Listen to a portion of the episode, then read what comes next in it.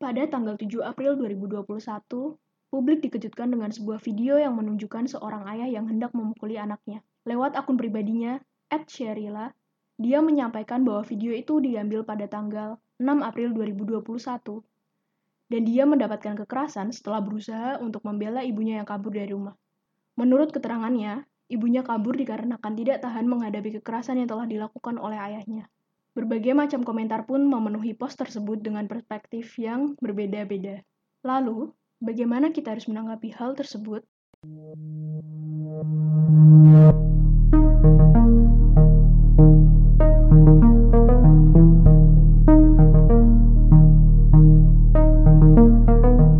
Sebelumnya, kembali lagi bersama kami, Pemula Bicara. Kali ini bersama saya, Fon, dan bersama kawan baru kita, Hai, nama aku Peridot. Kalian boleh panggil aku Dot. Aku adalah tim cadangan ya. jangan gitu. Katanya nggak apa-apa. Aku suka bahas hal-hal yang berbau keajaiban, fantasi, mitos, dan perempuan. Oke, halo, Dot. Kali ini kita akan membahas kejadian yang baru-baru viral kali ini, dan ini penting untuk dibahas. Kenapa? Karena mungkin kejadian ini telah banyak terjadi di sekitar kita, dan tentu saja mungkin demi, kemanusiaan yang lebih baik, kita harus tahu nih uh, bagaimana kita menanggapinya ke depannya gitu. Kalau kita lihat nih dari kasus yang ini, beberapa kali kita lihat di komentar yang ada di video yang viral tersebut, banyak sekali yang menanggapi dengan cara yang berbeda-beda. Ada yang mempertanyakan latar belakang kejadian agar dapat mengetahui konteks lebih lanjut. Terus ada beberapa orang yang menganggap tindakan tersebut berlebihan, jadi menyalahkan pelaku yang menyerang lah atau menyiksa korban. Kemudian ada yang menormalkan kekerasan karena itu orang tua dan bisa dibilang bahwasanya dia sedang melatih mental anaknya. Bahkan ada yang ada juga yang membandingkannya dengan kekerasan yang ia dapatkan. Nah, bahwasanya ada juga pun yang beranggapan bahwa memviralkan tindakan seperti itu tindakan alay dan lebay karena itu merupakan permasalahan keluarga. Nah, ini apa-apa diviralin gitu kan. Jadi tanggapannya itu benar-benar banyak, random dan macam-macam gitu. Oke, menurut aku salah banget nih ya. Kayak tadi salah satu yang membandingkan dengan kekerasan yang dia dapatkan. Karena menurut aku nih, hanya karena kamu mendapatkan kekerasan yang serupa tapi tidak mendapatkan perhatian yang sama, bukan berarti sah buat kamu menormalkan apa yang dilakukan oleh pelaku tersebut. Terus juga ada yang berpendapat kan kalau kita tuh nggak boleh hanya menilai dari satu sisi. Padahal pada akhirnya, apa yang mereka lakukan adalah menilai dari satu sisi dengan memojokkan pilihan korban untuk memposting video tersebut. Kita kan tidak pernah tahu nih apa yang dialami oleh korban sehingga dia harus memakai cara tersebut untuk memperoleh pertolongan. Kemungkinan besar korban itu tidak punya pilihan lain dan di situasi terancam seperti itu tidak banyak yang bisa dilakukan oleh seorang korban. Gerak aja kadang mereka nggak bisa gitu kan. Dan mungkin ya ngerekam itu satu-satunya hal yang bisa dilakukan yang mana nggak memunculkan suara, nggak memerlukan gerak yang berarti, dan nggak bikin memancing pelaku makin agresif gitu. Oh ya, benar juga ya. Karena kalau kita lihat dari netizen sendiri, kadangkala kalau kita melihat sesuatu itu, kita melihatnya bukan dari karena kita melihatnya dari jauh ya, kita melihat itu bahwasanya itu bukan kita. Jadi kita uh, punya beberapa hak untuk menjudge dan memberikan penilaian yang berbeda-beda kan.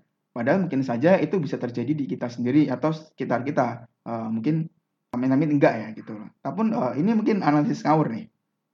Tapi kalau kita lihat dari sudut pandang, bagaimana sih kenapa dia tertekan sehingga dia yang seperti kamu bilang tadi kan uh, harus memviralkan dan tindakan ngerekam ini merupakan salah satunya pilihan. Coba bayangkanlah, kamu udah 10 tahun disiksa, dihajar semacam itu.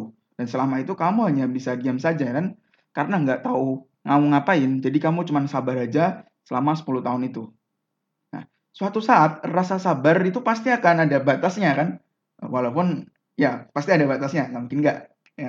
jadi rasa ter, rasa yang terpendam itu bagaikan bom waktu yang akan meledak-meledak dan suatu saat kamu bakal muak dengan hal itu gitu nah tapi kamu karena 10 tahun ini biasa nggak ngapa-ngapain dan karena biasa nggak ngapain-ngapain itu kamu mungkin nggak tahu mau ngapain dengan rasa yang meledak-ledak itu kan cuman diem aja bisanya nah well of course salah satu yang paling gampang adalah sosial media, tempat di mana kita mengekspresikan diri.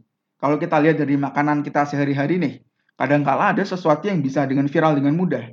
Dan ketika, ketika sesuatu itu viral, itu dapat mulai mendapat perhatian dari publik. Mungkin kalau kita lihat, hal seperti inilah yang diincar dari korban. Karena korban nggak tahu harus di mana.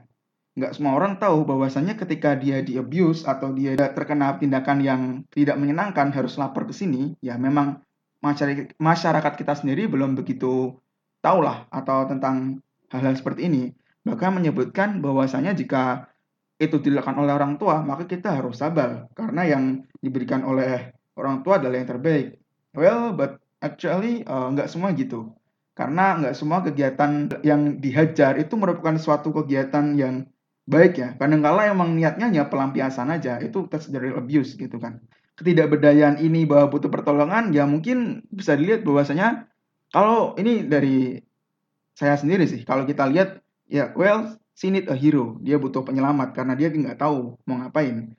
Seperti katamu tadi kan, dia kalau lapor malah takut diapa-apain kan. Mungkin takut juga kalau lapor polisi, terus nanti gimana kalau malah yang pelaku ini malah bisa memediasi. Jadi malah nggak diapa-apain atau mungkin malah ditanya di depan pelaku. Ya of course, korban kalau ditanya di depan pelaku malah malah takut kan. Nah, jadi tindakan melukai orang lain ini kalau kita lihat ya harus dilakukan harus dicegah gitu. Tapi well mungkin dia nggak begitu expect sih sama beberapa hal dari netizen ini karena memang random banget responnya netizen di komen ini. Karena ada konteksnya ada yang menghina, need konteks, or whatever, banyak banget yang penuh prasangka gitu kan. Tapi kadang kala prasangka tersebut malah membuat orang terlena dari masalah gitu. That's the problem karena someone needs help and we still arguing each other gitu. Sempat kemarin juga aku baca beberapa orang tuh komen kurang lebih gini. Kenapa nggak keluar dari rumah? Kabur cari pertolongan kek? Atau minta tolong tetangga kek? Gitu. Well, ironisnya, banyak masyarakat kita itu melek uh, ketika semisal nih ada anak tetangga diantar cowok malam-malam. Ada single parent dijemput mobil gonta-ganti. Terus tetangganya juga gak nikah-nikah padahal udah tua. Nah mereka melek nih atas kasus-kasus seperti itu.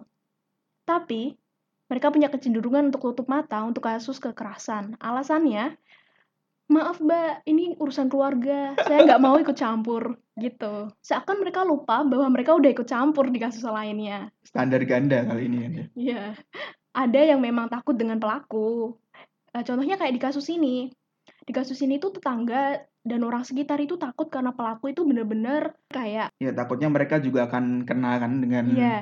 Nggak segan-segan baku hantam gitulah ngajak baku hantam dan memarahi siapa pun yang menolong korban gitu Nah, kalau kita lihat sendiri, uh, kayaknya perlu berapa hal saat kita melihat hal-hal yang seperti ini di depan kita, itu seperti harus yang kita melakukan sesuatu saat. Jadi kita nggak boleh diam aja kan dalam melakukan sesuatu ini kan. Perlu dalam kita melihat sesuatu korban kekerasan, baik secara langsung atau di media sosial, pasti ya perlu ada yang perlu kita lakukan kan? Iya, perlu banget kayak orang-orang perlu tahu gimana cara menanggapi korban kekerasan yang coba speak up gitu, mau di real life atau di media sosial.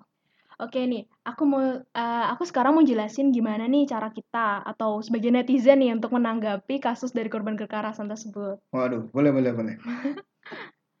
Pertama, kita tuh nggak boleh memojokkan korban atau bahkan kita membandingkan dengan kekerasan yang terjadi ke diri kita dan sekitar kita coba tanamin prinsip nih biar kita nggak senang membandingkan dan memojokkan korban bahwa dunia ini tuh nggak selalu tentang kita.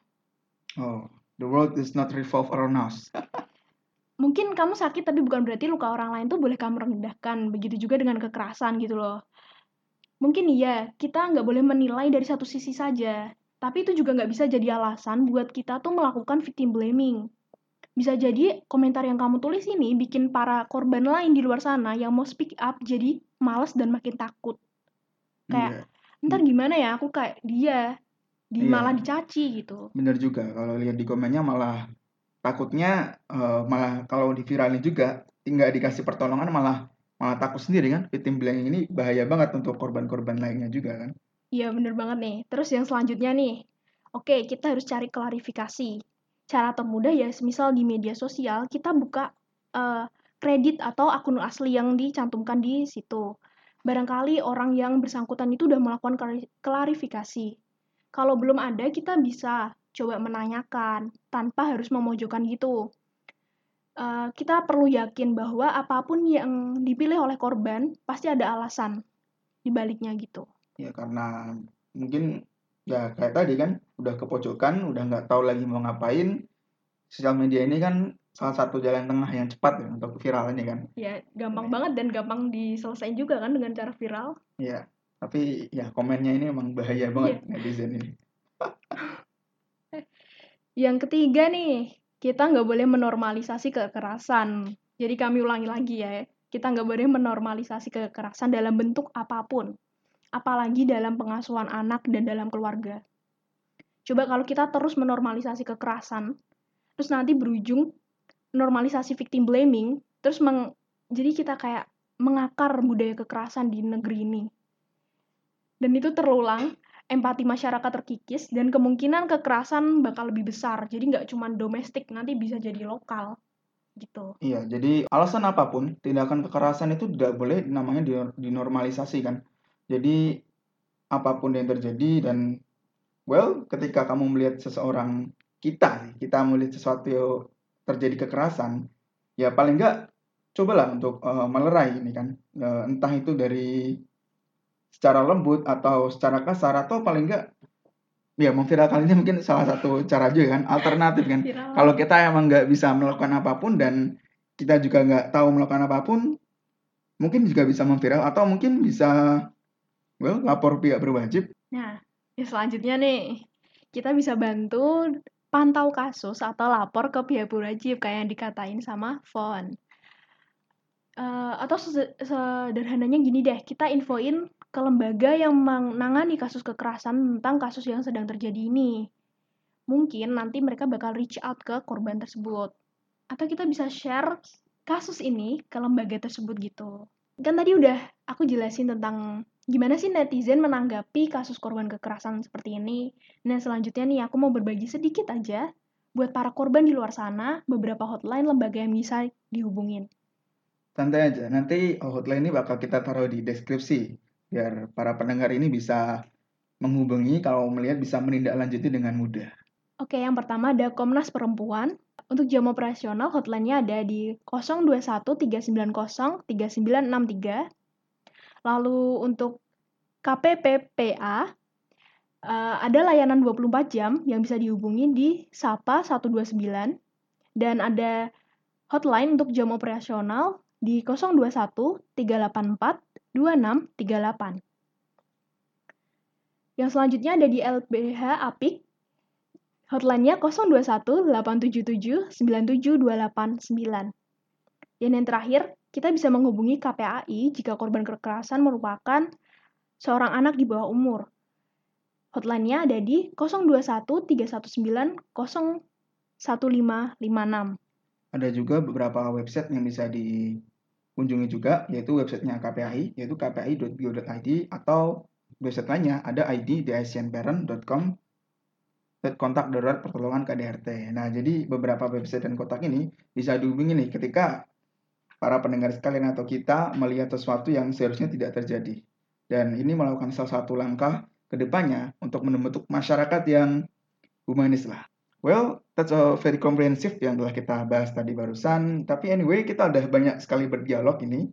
Nah, sudah banyak kita bahas dan para pendengar sekalian diharapkan sudah paham lah dan mengerti dan apa sih yang harus dilakukan ketika kita melihat sesuatu yang tidak kita inginkan seperti kejadian-kejadian seperti tadi. Dan yang paling penting, jadilah penolong sesama yang bijak dan humanis. Bertindak jangan hanya menjudge dan mengkomen orang lain lah. Sekian, ada Fon di sini. Dan Perido di sini. Sampai jumpa lagi. Stay safe, stay healthy. Sayonara. Bye-bye.